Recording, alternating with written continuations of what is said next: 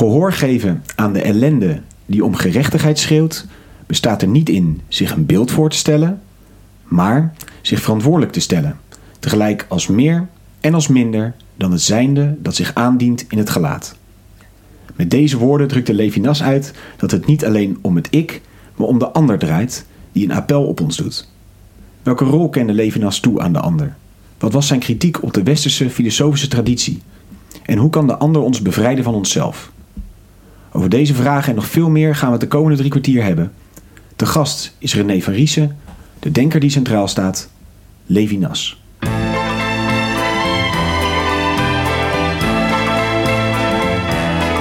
Vers les docks où le poids et l'ennui me courbent le dos. Welkom bij weer een nieuwe aflevering van de podcast Filosofie van het Centre Erasme, school voor filosofie in Zuid-Frankrijk, Vlaanderen en Nederland. Mijn naam is Allard Amelink. Het concept van deze podcast is simpel: er is een hoofdgast, een presentator en een sidekick. En ongeveer 45 minuten duiken we in het denken van één filosoof. Vandaag zit naast mij Kees Vijstra van het Centre. Dag Leuk. Kees. Ja, leuk. Mooi, deze laatste aflevering van laatste dit eerste eh, aflevering. seizoen. Ja. belooft een, een mooie te worden, want eh, tegenover ons zit eh, onze gast van vandaag, filosoof en dichter René van Riesen. Zij doseert godsdienstfilosofie aan de Protestantse Theologische Universiteit Groningen en is bijzonder hoogleraar christelijke filosofie aan de Universiteit Leiden. En recent verscheen van haar hand Van zichzelf bevrijd Levinas over het raadsel van de nabijheid. Welkom in deze podcast. Dankjewel. Mooi dat je er bent. Centraal staat dus de filosoof Levinas, Emmanuel Levinas. Hij werd geboren in 1906 in Litouwen, waar hij opgroeide in de Joodse traditie. Hij werd in 1930 genaturaliseerd tot Fransman, ging ook in het Franse leger, kwam daar in een krijgsgevangenkamp en na terugkeer is hij zijn eigen filosofische teksten gaan schrijven, sterk beïnvloed door zijn eigen oorlogservaringen. Hij werd onder andere hoogleraar aan de Sorbonne en in 1961 verscheen zijn belangrijkste werk Totaliteit en Oneindigheid. Hij overleed uiteindelijk in 1995. En René eh, Levinas was zeer kritisch eigenlijk op de gehele westerse filosofische traditie. Dus eh, vrij grote eh, kritiek. Wat was zijn grote kritiek op die hele westerse filosofische traditie? Ja, het klopt wat je zegt. Ehm, hij heeft dat zelf ook wel eens gezien als een wat al te ambitieuze onderneming misschien. Maar toch houdt hij stand. En zegt, ja, mijn, mijn kritiek is in de eerste plaats het totaliteitskarakter. Of het totaliserende karakter van de westerse filosofie. De neiging dus van die filosofie om vanuit het standpunt van het ik... als het ware de hele werkelijkheid te overschouwen, eh, in kaart te brengen... daar eh, theoretische beschouwingen over te geven. Terwijl je er in feite als denker zelf niet helemaal in betrokken bent. Je, om te kunnen beschouwen moet je er buiten staan, moet je afstand nemen. Dus de kritiek op het to- totaliserende of totaliteitskarakter van het westerse denken, dat is één. En twee, daar ligt ook al een beetje zijn oplossing, dat hij zegt, hoe kan dat dat we, ehm, dat we zo totaliserend beschouwen en onszelf niet laten betrekken, niet geëngageerd zijn, dat komt door het vergeten van het gelaat. En dat gelaat wordt dan een heel belangrijk thema in zijn eigen filosofie. Dus hij, hij verwijt de westerse filosofie. Men is het gelaat vergeten. Men is eigenlijk de, de transcendentie, wat transcendentie echt betekent, vergeten. Dus het, het draait in de westerse filosofie draait het om onszelf en te weinig om de ander. Is, is dat hoe je het zou kunnen zeggen? Het draait, ja, we, we doen natuurlijk alsof we belangstelling voor de wereld hebben. Maar we hebben die belangstelling om de wereld, zoals de wetenschap dat doet, en de filosofie ook, om die wereld in kaart te brengen. En dat in kaart brengen betekent afstand nemen en je er dus niet meer echt door laten aanspreken. Niet meer in staat zijn om verantwoordelijkheid bijvoorbeeld een plaats te geven. Dus je moet eigenlijk een beetje uit die wereld stappen, op een afstandje ervan gaan staan om hem te kunnen vatten, zeg maar. Of het kunnen, ja, ja. ja, je moet, eh, En, en in hoeverre is dat inderdaad de, de rode draad door de westerse filosofische traditie, zeg maar? Eh, klopt dat, eh, die observatie? Ik denk dat het wel klopt. Ehm, Plato bijvoorbeeld heeft gezegd: filosofie begint in de verwondering. Maar verwondering is ook in feite een stapje achteruit doen. Zeg maar, hoe, hoe kan dit? Wat, wat is dit eigenlijk? Het is een hele typische filosofische vraag. Wat is goedheid eigenlijk? En dan ga je goedheid beschouwen, je gaat abstraheren. Daar is op zich niks op tegen. Maar hoe zou je het ook anders kunnen doen, zou Hoe je zou het zeggen? anders? Ja. Filosofie kan alleen maar zo. Eh, en toch, eh, zegt, eh, een van de punten van Levinas is, wat, wat de filosoof dan doet, is nou, ik ga eerst kijken wat kan ik weten. Dat is een oude vraag van Kant. Wat de werkelijkheid in kaart brengen, wat kan ik allemaal weten. En de tweede vraag, zegt Kant, is dan, wat moet ik doen? En die wordt bij heel veel filosofen afgeleid van die eerste vraag. Dus eerst moet ik weten waarvoor ben ik precies verantwoordelijk. Dus hoe baken ik dat bijvoorbeeld af. En vervolgens ga ik dan iets doen. Dus eerst weten, dan doen. En Levinas wil het omkeren en zegt dan de hele, de hele vraag of we iets zouden weten, waarom we iets zouden weten, komt misschien wel uit iets anders. Namelijk dat er iets is dat ons uh, met het mooie Vlaamse woord opvordert. Opvorderen. dat ons opeist, dat ons in vraag stelt. En dat is niet meer ik degene die het allemaal organiseert, die kennis, maar dan is ik degene die direct aangesproken wordt, misschien zelfs wel onderbroken wordt uh, door een andere stem of een gelaat, zoals Levinas zegt.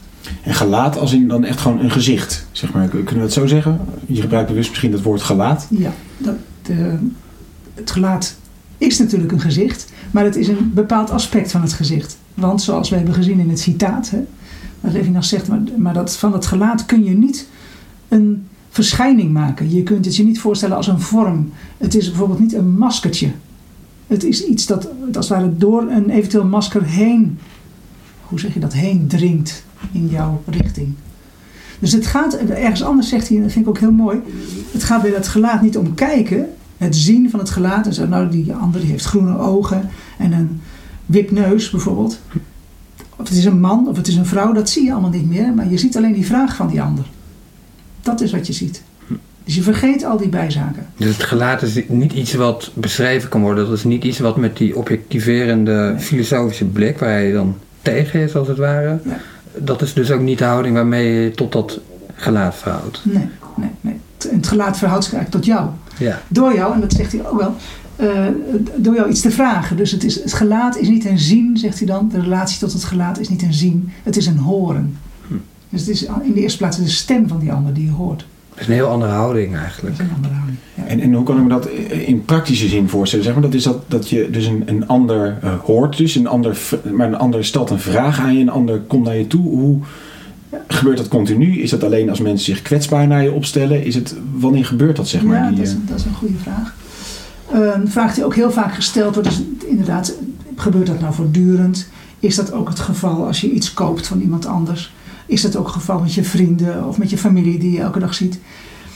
Heel frappant bij Levinas is dat hij onderscheid maakt tussen de sfeer van de intimiteit, waarin er dus mensen zijn met wie je constant omgaat, en de sfeer van het gelaat, waarin die ander eigenlijk een vreemde voor je is. Dat kan natuurlijk ook een familielid zijn.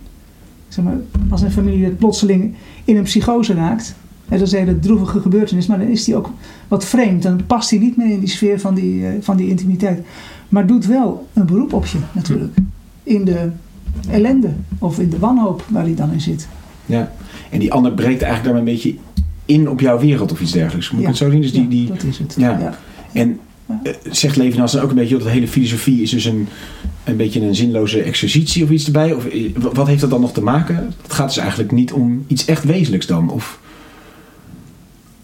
Die vraag begrijp ik niet. Nou, dat, dat als dat inbreken van die ander zo uh, belangrijk is, zeg maar, waar is dan dat hele denken van de hele Ah, westerse ja. filosofische Ja, traditie? ja, zeg maar, wat, wat, wat, dat- is dat dan eigenlijk één zinloze exercitie Nee, geweest? Is dat dan allemaal is- een beetje een soort Dat zou wel heel erg construct? zijn. Ja. Dat zou wel erg zijn. Nee, dat, dat is niet zo. Maar het, wat Levinas opvalt is, het mist vaak een bepaalde oriëntatie. Het mist een bepaalde richting. En dan willen wij, ja, vaak door levensbeschouwing enzovoorts, willen we daar dan richting aan geven. Maar hij zegt, maak die levensbeschouwing nu eens concreet. Nou, voor hem komt dat natuurlijk gedeeltelijk ook uit zijn Joodse achtergrond. En heel opvallend is dat hij dan een beroep doet op die hele oude tien geboden. En zegt, daar is één gebod, dat springt eruit. Dat is, gij zult niet doden. Dat is een heel um, raadselachtig gebod in feite. Want het is, gij zult niet doden. Maar wat we doen is natuurlijk wel doden. En even raadselachtig is dat Levinas zegt, op het gelaat van de ander staat dat gebod geschreven. Gij zult niet doden. Wij kunnen de ander dus niet doden. Maar we doen het wel. En dat is het verschil tussen het ethische dat op dat gelaat zit. Als een bevel of als een aanspraak of als iets waar je aan zou moeten voldoen. En het feit dat het toch kan.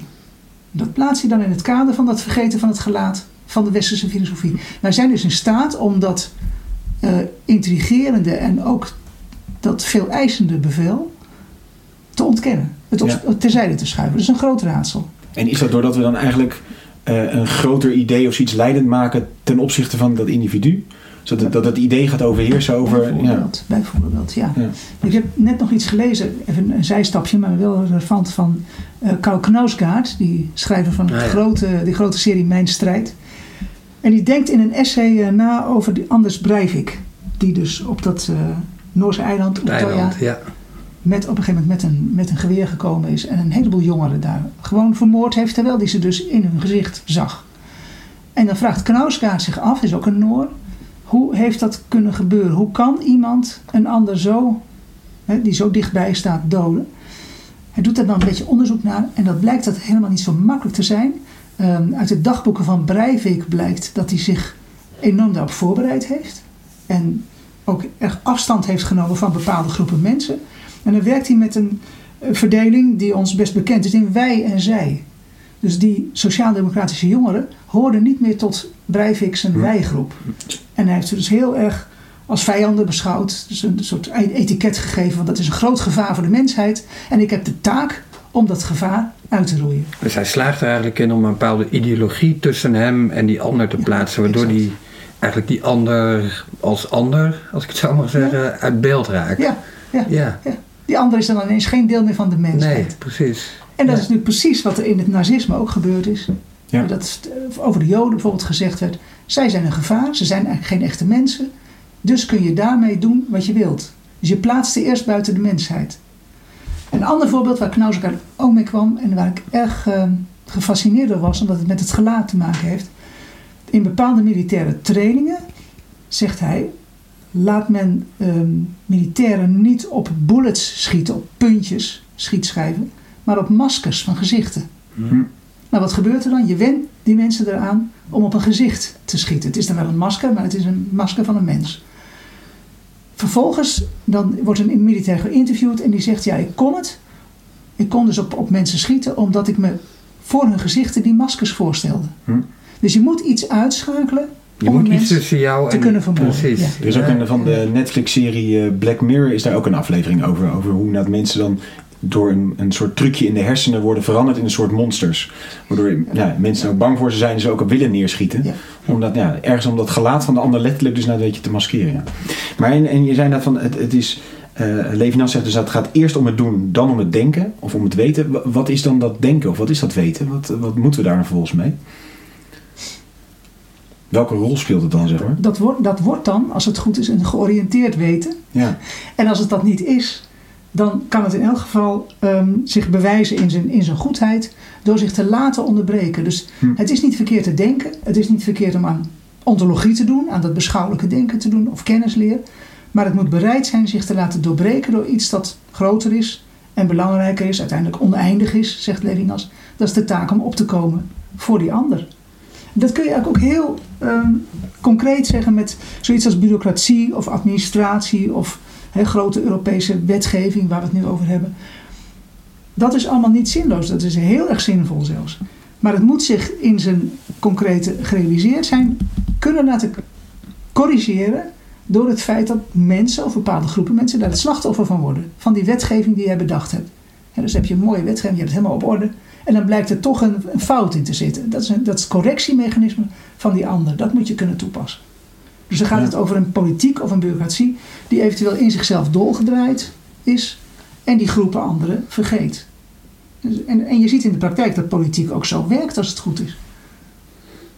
Dus Als, het werkt als, als iets wat zich toetst aan dat zich laat de- toetsen aan ja, de tussenmenselijke relatie. Is, is dat het? Of? de mensen die een slachtoffer worden van een bepaalde Ja. maatregel. Zeg maar in, in, in ziektekostenverzekeringen. Dus op het moment dat dat gebeurt, dan zeg je eigenlijk van dan, dan is er zoiets als dat mechanisme aan het werk waar Levinas op wijst. Ja. Dus dat, dat dat menselijke uiteindelijk de basis is voor het systeem. Voor alles. Ja. Ja, en dus eigenlijk onze logica mag doorbreken in die zin. Of een grote concept mag doorbreken.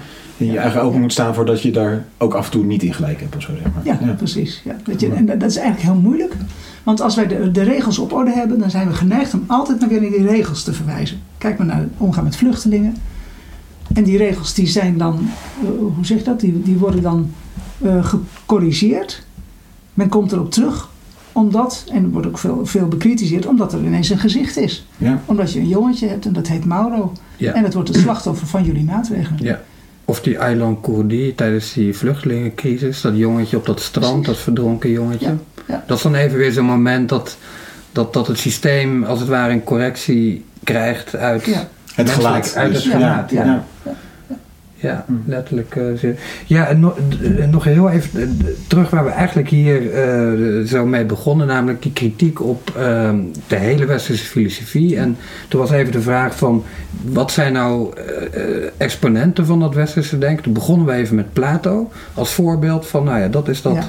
Hè, dat is zo'n denken waar Levinas dan kritiek op heeft. Wie, wie is nog zo iemand in, in, waar hij dan mee in gesprek is, Levinas? Een ander filosoof is eh, Descartes, die je zou kunnen noemen. Descartes die natuurlijk uitging, dat is een hele bekende uitspraak hè, van het ego cogito.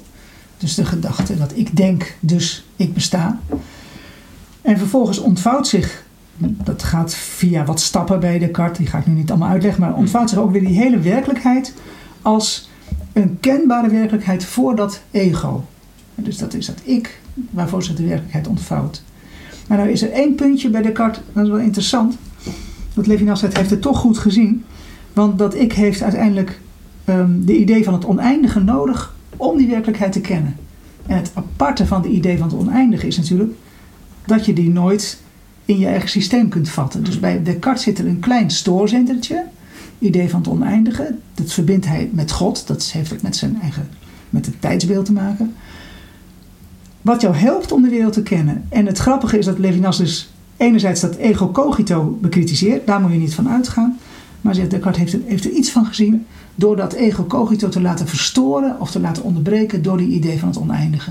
Ja, want dat, dat, dat, dat, dat ik bij, bij Descartes dat heeft als het ware, vindt de zekerheid in zichzelf. Maar dan zegt Descartes, ja, maar zelfs als ik zo zeker ben van mezelf, kan ik toch nog soort van eh, bedrogen worden. Eh, mits er een God is die... Ja. Hè, dat, dat is toch wat Descartes... Mits er een God is, maar dat, dat is dan weer net iets te simpel. Want dan moet je, als je in Descartes systeem zit, bewijzen dat die God er is. Ah ja, En hoe bewijst hij dat? Ja, toch een beetje een ervaringsfeit. Ik tref het aan, zegt hij dan, in mijn bewustzijn. En als ik het ga onderzoeken, en dat, dat is heel frappant, en daar sluit Levinas ook bij aan. Als ik die idee ga onderzoeken, dan zie ik in dat ik die nooit zelf bedacht kan hebben. Dus die moet van buiten komen. Ja, dus het is die inbreuk eigenlijk van buitenaf. Ja.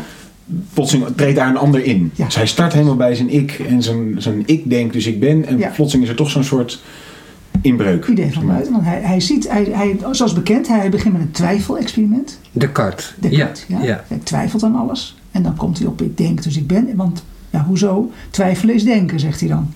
En denken, dat is een vorm van zijn. Dus ik besta in elk geval als dat, dat ego, dat ik, dat denkt. Meer is er niet, hè? Dat is Nee. alleen maar een, ergens in je hoofd. Ja, dan is die ander wel heel ver weg op dat moment, zeg maar. Die Dat- ander is ja, weg, ja. alles is weg. En dan gaat hij inderdaad aan alles twijfelen. En dan zegt hij, dat is ook een soort bekentenis, twijfelen is onvolmaakt denken. Dus ik ben niet volmaakt. Maar ik tref wel in Ah, want mezelf. een volmaakt denken zou niet twijfelen. Zou, Nee, dat zou niet twijfelen. Nee. Die zou alles zeker weten. Ja. Precies, Ja, ja. ja. ja. En een andere manier, behalve twijfel, is er voor hem niet om tot zijn eerste zekerheid te komen. Dus hij heeft twijfel nodig om tot die zekerheid te komen. En zoals jij zegt, die zekerheid is weer onzeker, omdat iemand hem kan bedriegen, omdat hij toch bedrogen ja. kan worden. En dan zegt hij, ik tref in mezelf de idee van het volmaakte of van het oneindige aan. En die kan ik onmogelijk zelf gemaakt hebben. Dat vind ik altijd een heel interessante gedachte. Want wij gaan er nu van uit, maar wij zijn natuurlijk geleerd door het 19e eeuwse godsdienstkritische denken, religiekritiek. Wij hebben geleerd te zeggen, wij als eindige mensen, wij maken de idee van God. Die hebben wij geproduceerd, omdat we hè, iets groter dan wij zelf willen hebben, maar dat, eh, dat maken we zelf. Maar Descartes zag nog, nee, dat, dat maak je niet zelf, dat komt van buiten. Precies. Ja. En, en Levinas haakt daar dus op aan. Want ze hebben, we zijn net al zo'n zo'n Ja, zo'n grootste werk is eigenlijk totaliteit en oneindigheid. Nou, die totaliteit hebben we net gepakt. Dat is dat idee van een ik die eigenlijk de hele wereld kan aanschouwen en, eh, en bevatten. En wat is die oneindigheid dan voor Levinas? Die inbreuk? Of wat? Ja, daarvoor wil ik heel graag aansluiten bij de ondertitel van het werk. Dat is namelijk essay over de exterioriteit. En wat heb ik net ge- gezegd over die idee van het oneindige? Die komt van buiten. Precies. Ja. En zo, dus Levinas is in dat boek eigenlijk bezig aan te tonen dat concreet in ons leven die oneindigheid binnenkomt via die figuur van het gelaat. Dat is de oneindigheid die van buiten komt. Ja. Dus daarom is het zo belangrijk dat die ander, in, in elk geval deze omstandigheid, vreemd aan mij is. Niet in de intimiteit beleefd wordt of niet in een relatie die we allebei wel kennen, dat we bijvoorbeeld met elkaar handel drijven of dat de een de ander onderwijs geeft. Dat zijn allemaal nog relaties waarin er een soort contract is tussen ons. Maar er zijn situaties waarin die ander buiten dat contract valt. En daar maakt het dus het meeste indruk. Daar worden we ook het meest verward eigenlijk. Hè? Weten we niet wat we moeten doen. Dus het is compleet duidelijk dat dat niet permanent je overkomt. Want dan zou je de straat niet eens kunnen oversteken. Precies, want zou je overal anderen zien. Ja. En, eh, maar, maar kun je dan zeggen van dat. dat ehm, hij zegt van ja, die, de hele westerse filosofie, dat, dat is dus tot de Cartesiaanse denken. En hij zegt Van Descartes. Van Ja. Descartes, sorry, inderdaad. Ja. En, en hij begint eigenlijk juist eh, bij, dat, bij die voetnoot als het ware bij Descartes. Bij dat Ja. idee van... Ja. eh, ja, waarvan van heel de- veel filosofen zeggen: ach, dat moet je niet zo serieus Precies, nemen. Dat is ja. de middeleeuwse Descartes. Daarvan zegt hij, een hele paragraaf in dat boek. Dat is juist een heel belangrijk inzicht geweest. Dat ons een beetje op een spoor kan brengen. Weer een spoor terug voor het westerse denken. Dat we dat andere, dat oneindige, nou voor hem dus het gelaat, niet zo wegdrukken. Maar de functie ervan zien. Het belang voor de filosofie. En als we het hebben over het oneindige, dan, dan is je associatie snel ook naar iets religieus. Eh, welke rol speelt dat bij Levinas? Ja, dat is een, dat is een heel belangrijke vraag. Dat is een andere podcast. We hebben nog 25 minuten. Een Dus soort hamvraag. ja, ja, want dat is tegelijkertijd ehm, iets waar hij beducht voor is. Ehm, hij wist natuurlijk, ook in het seculiere Frankrijk, hè, secularistische Frankrijk, wat het toen al was, scheiding tussen kerk en staat en dus ook tussen geloof en filosofie, dat het gevaarlijk is om religiositeit al te nauw met filosofie te verbinden. Dus hij heeft in zijn publicerende leven altijd twee sporen ge- ge- uitgezet voor zichzelf. Een filosofisch spoor en een spoor dat aanvankelijk bedoeld was voor Joodse intellectuelen. Waarin hij zogenaamde Talmudlezingen gaf. Hm. En filosofische interpretaties van de Talmud, dus de Joodse uitleg van de Bijbel.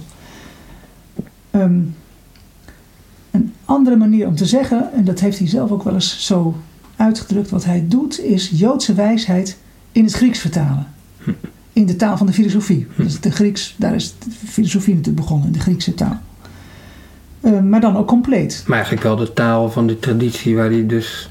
Waar Tegen hij, ook Ageren. kritiek, Ja. waar hij ook kritiek op heeft. Ja. Ja. Ja, ja, Maar waar hij tegelijkertijd van die punten in ontdekt, zoals Descartes, maar eerder ook Plato, dat er iets is wat ontsnapt aan dat totaliserende tendens, de totaliserende tendens van dat westerse denken. Dus het is zijn, zijn idee, ja, ik ga uit van Joodse wijsheid, of dat is een belangrijke inspiratie, en dan heeft hij het ook altijd over de Joodse Bijbel. Een kleine correctie naar de christenen, die zeggen het Oude Testament. Het is niet een testament en het is ook niet oud, zegt hij dan. Dus het is de Joodse Bijbel. Die hem inspireert. Ehm, heeft het ook vaak over profetie als een belangrijke inspiratie voor de filosofie.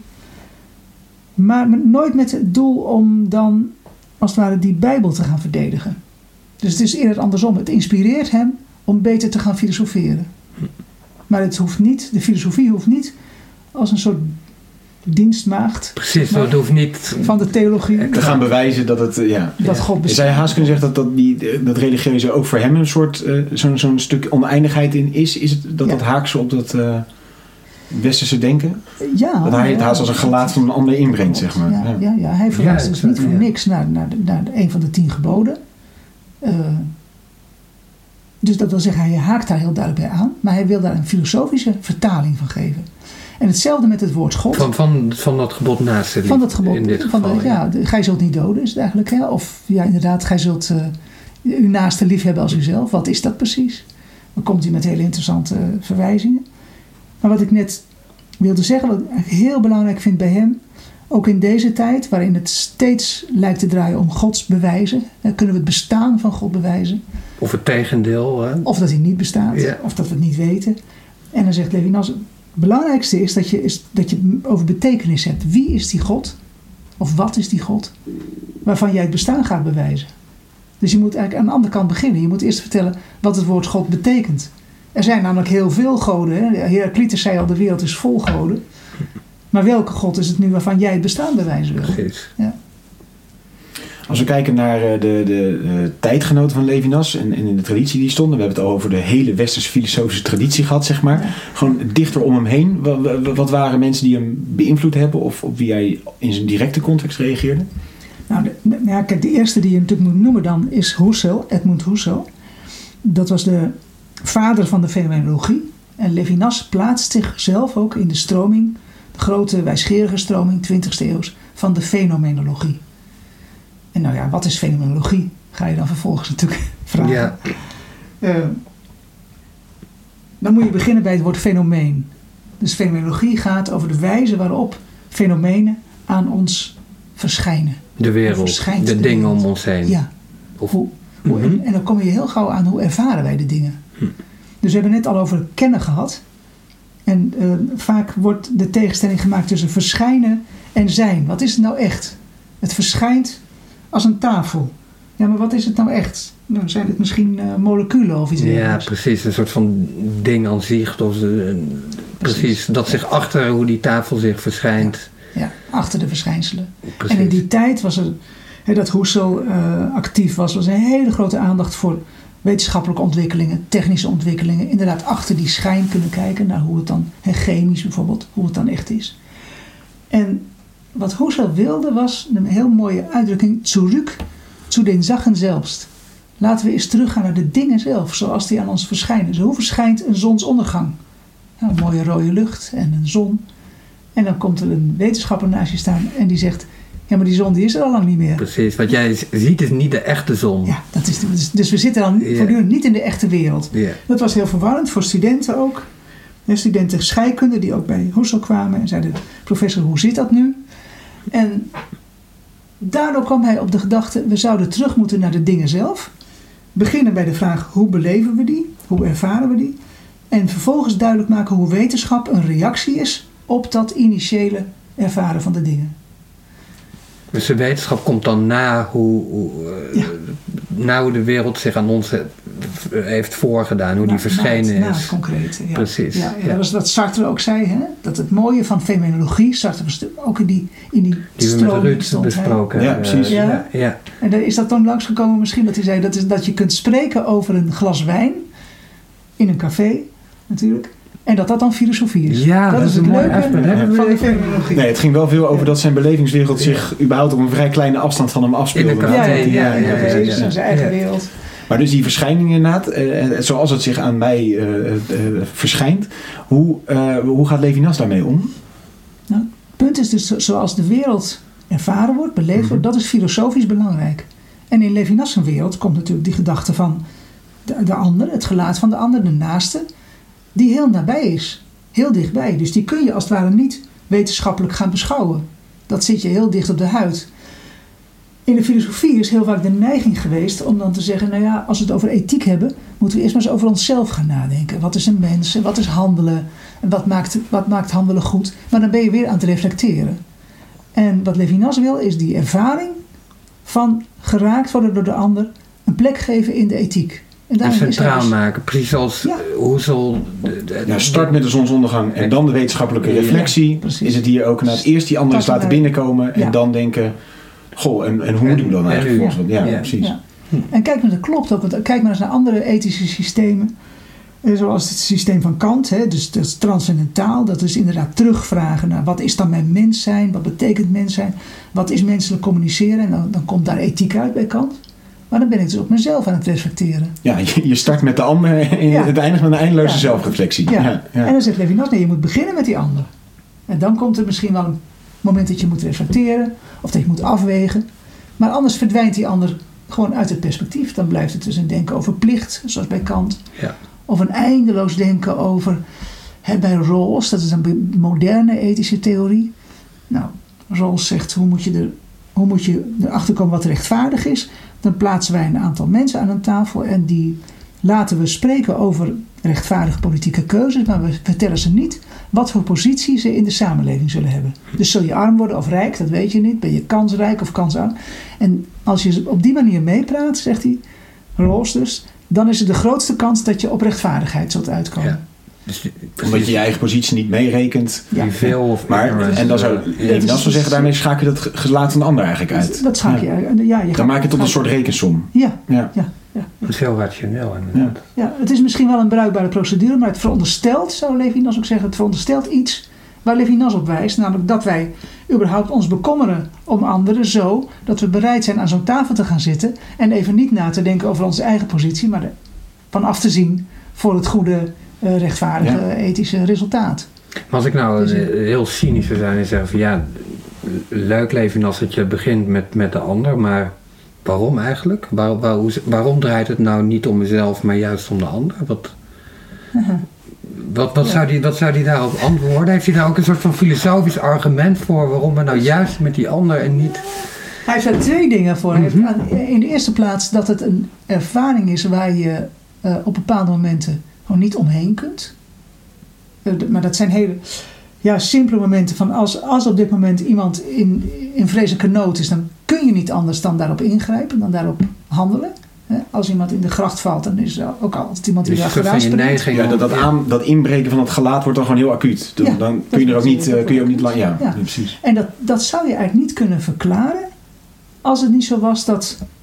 Nou, twee keer niet, lastig, maar dat, dat kun je alleen Ja. maar verklaren wanneer je ehm, bereid bent ervan uit te gaan dat eigenbelang wel een heel belangrijk motief is, een groot motief in ons leven. Dat wil Levinas ook niet uitschakelen, maar dat het niet alles is. Dus er zit ergens een, een, een zwakke plek of een gaatje, een heel belangrijk, gelukkig gaatje in jouw eigen belang. En daarin, als het ware, daarin lokt die ander jou naar buiten. En dat is je bevrijding. Op dat moment word je ook van jezelf bevrijd. Want opgesloten in je eigen belang, ja, of je er nou De titel van, jou, van jouw Ja, boek, van jezelf precies. Ja. De ander, door de ander word je van jezelf bevrijd en op je plaats gezet. Dus op de plaats in het universum waar jij nodig bent. En wat is nou mooier, of waar hebben nou mensen nou meer behoefte aan dan op die plaats gezet te worden? Dus, de, dus het idee dat, dat ook het theoretische idee dat we helemaal vastzitten aan ons eigen belang, dat sluit ons op een enorme manier in onszelf op.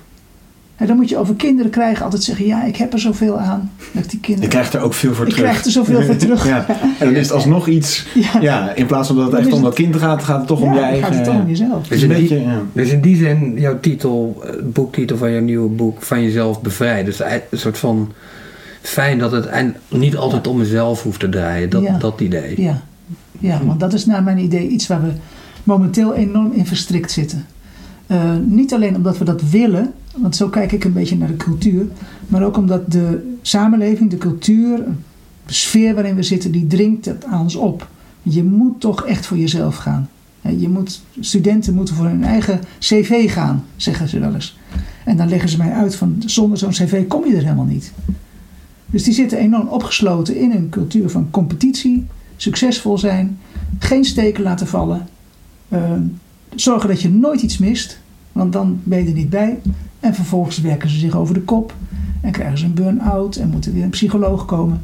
En dat is dus niet omdat ze het zelf zo bedacht hebben, maar het is onze cultuur, ook op de universiteit, die dat aan de mensen opdringt. En vervolgens in bedrijven waar ze komen werken. Ja. Ja. En ook dus uiteindelijk in relaties zo inbreekt. Want eh, je, geeft aan kinderen, maar ook je partner is ook dan iemand die iets moet toevoegen aan je leven. Ja, Want anders, eh, Ja, en als dat voorbij is, dan. Als die ander niet meer zoveel toevoegt, dan heeft hij ook zo'n beetje zijn rol vervuld. Dan is het klaar, ja. Ja. ja, ja. En, en er was nog een, een tweede Ja, argument. precies. eh, Mooi. die- Ja, heel goed. Ja, ik pak hem weer even. Ja, heel soepel.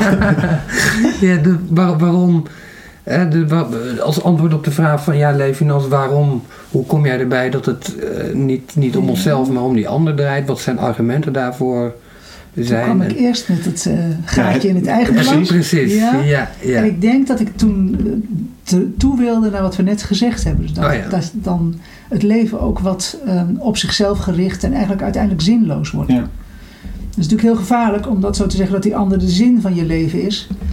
Wat Levinas erbij zegt en heel duidelijk maakt is, als je op het spoor van die zin komt, dus op bijvoorbeeld de vraag van de ander of, de, of op die verantwoordelijkheid die zich daarin aandient ingaat, is dat lang niet altijd zonder gevaar en het is ook niet eh, risicoloos. Ik heb eh, pas die documentaire op televisie gehad over de familie van Johannes Post. Ja, de dochter van Johannes Post. De, de bekende verzetstrijder, de toch? bekende verzetstrijder. Die natuurlijk zijn leven, niet alleen zijn eigen leven, maar ook het geluk, zou je kunnen zeggen, van zijn gezinsleden ehm, op de proef heeft gesteld. Misschien wel in de gevaar heeft gebracht door bij het verzet te gaan. Ehm, er ontstond een hele discussie, want een van de dochters ehm, kwam daarop terug, kritisch. Ja, misschien had mijn vader wat minder radicaal moeten zijn, wat anders moeten kiezen. Ik heb mijn vader niet meer gezien. Die is vermoord, gefusilleerd. Ik heb mijn moeder maar heel weinig gezien. Wat, wat is de prijs die je moet betalen? En toen kwam er ook in, in, door reacties in kranten een discussie op gang. Had hij dat dan niet moeten doen? En ik denk dat dat precies iets is wat, wat Levinas ook aangeeft. Eh, het kiezen voor die verantwoordelijkheid heeft een, een donkere kant in die zin dat het niet op succes, eh, hoe zeg je dat, geen garantie voor succes is, uiteraard. Je kunt er enorm mee onderuit gaan, je kunt sneuvelen, eh, je, je geeft jezelf op, iemand offert zichzelf op, zeggen ze dan ook wel eens. Eh, maakt het dat zinloos? Nou, ik probeer in mijn boek uit te leggen dat dat het niet zinloos maakt, maar dat het ons een ander inzicht geeft over wat zin eigenlijk is. Want zin is niet altijd wat mij dient, wat mijn persoonlijke geluk dient. Dus er is iets, dat is ook het oneindige, wat over mijn grens, mijn grens van de eindigheid, grens van mijn leven heen gaat. Namelijk, nou, Johannes Post, denk ik, had een andere samenleving voor ogen dan de samenleving die Hitler wilde. Of de samenleving waar het Derde Rijk ons aan uh, overleverde. Maar je zou ook kunnen zeggen, bij die Johannes Post, die ging ergens voor dus een, een abstracte idee van een grotere, van een betere samenleving, zeg maar. Maar verloor misschien wel het gelaat van zijn kinderen dus uit zicht. Ja. Of, Ja. Ja. ja, maar ik vind die uh, idee, ik vind het niet zo'n abstracte idee. Nee. Dus het is niet een nee, het, ideologie. is- het is wel een, Het tastbare verzet, samenleving. Ja, Het was ver- verzet. Ja, precies. Ja. Tegen een samenleving waar eigenlijk dat gelaat wordt weggedrukt, zeg maar. Dus ja, dus dan gaat het toch om hele eh, concrete mensen, zeg maar. Ja. Iemand bracht er tegenin, maar ik hoop- nou, iemand bracht er tegenin in een krant, en dat vond ik wel mooi. Er waren ook mensen die heel goed voor hun kinderen zorgden. En, en dat waren mensen die in Amsterdam als eerste bereid waren, bijvoorbeeld als politieagent, om Joden uit hun huizen te halen.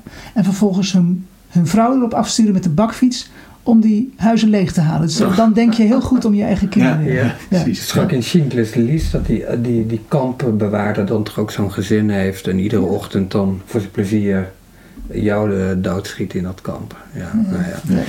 Maar dat is ook nog even een haakje naar, eh, naar, naar Heidegger eigenlijk. De andere belangrijke tijdgenoot Precies. van, eh, Ja, Zeker, eh, ja, ja, ja, van Levinas die we sowieso eh, moeten noemen dat. En je zegt aan het haakje, eh, Heidegger is ook al vrij vaak voorbij gekomen. Ik denk dat de luisteraar ook weer denkt, hebben we Kant weer? hebben we ook weer Heidegger te pakken inderdaad?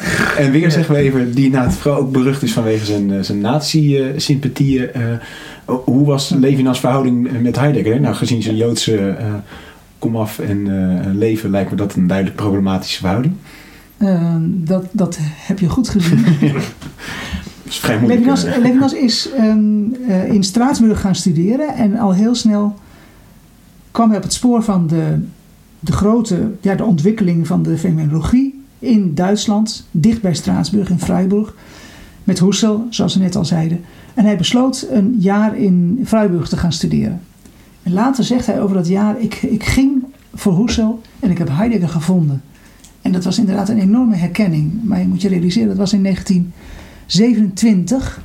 Dus dat was voordat Hitler met zijn NSDAP aan de macht kwam. Ehm, Heidegger was gewoon een briljante docent. Was Hm. bezig, eh, we hadden net het boek Zijn und Zeit gepubliceerd. Levinas was weg van Heidegger. Dus van zijn existentiële wending van die fenomenologie. Eh, Heidegger heeft het veel existentiëler gemaakt, veel dichter nog bij de mens gebracht en bij zijn bestaan. Een fascinerende docent.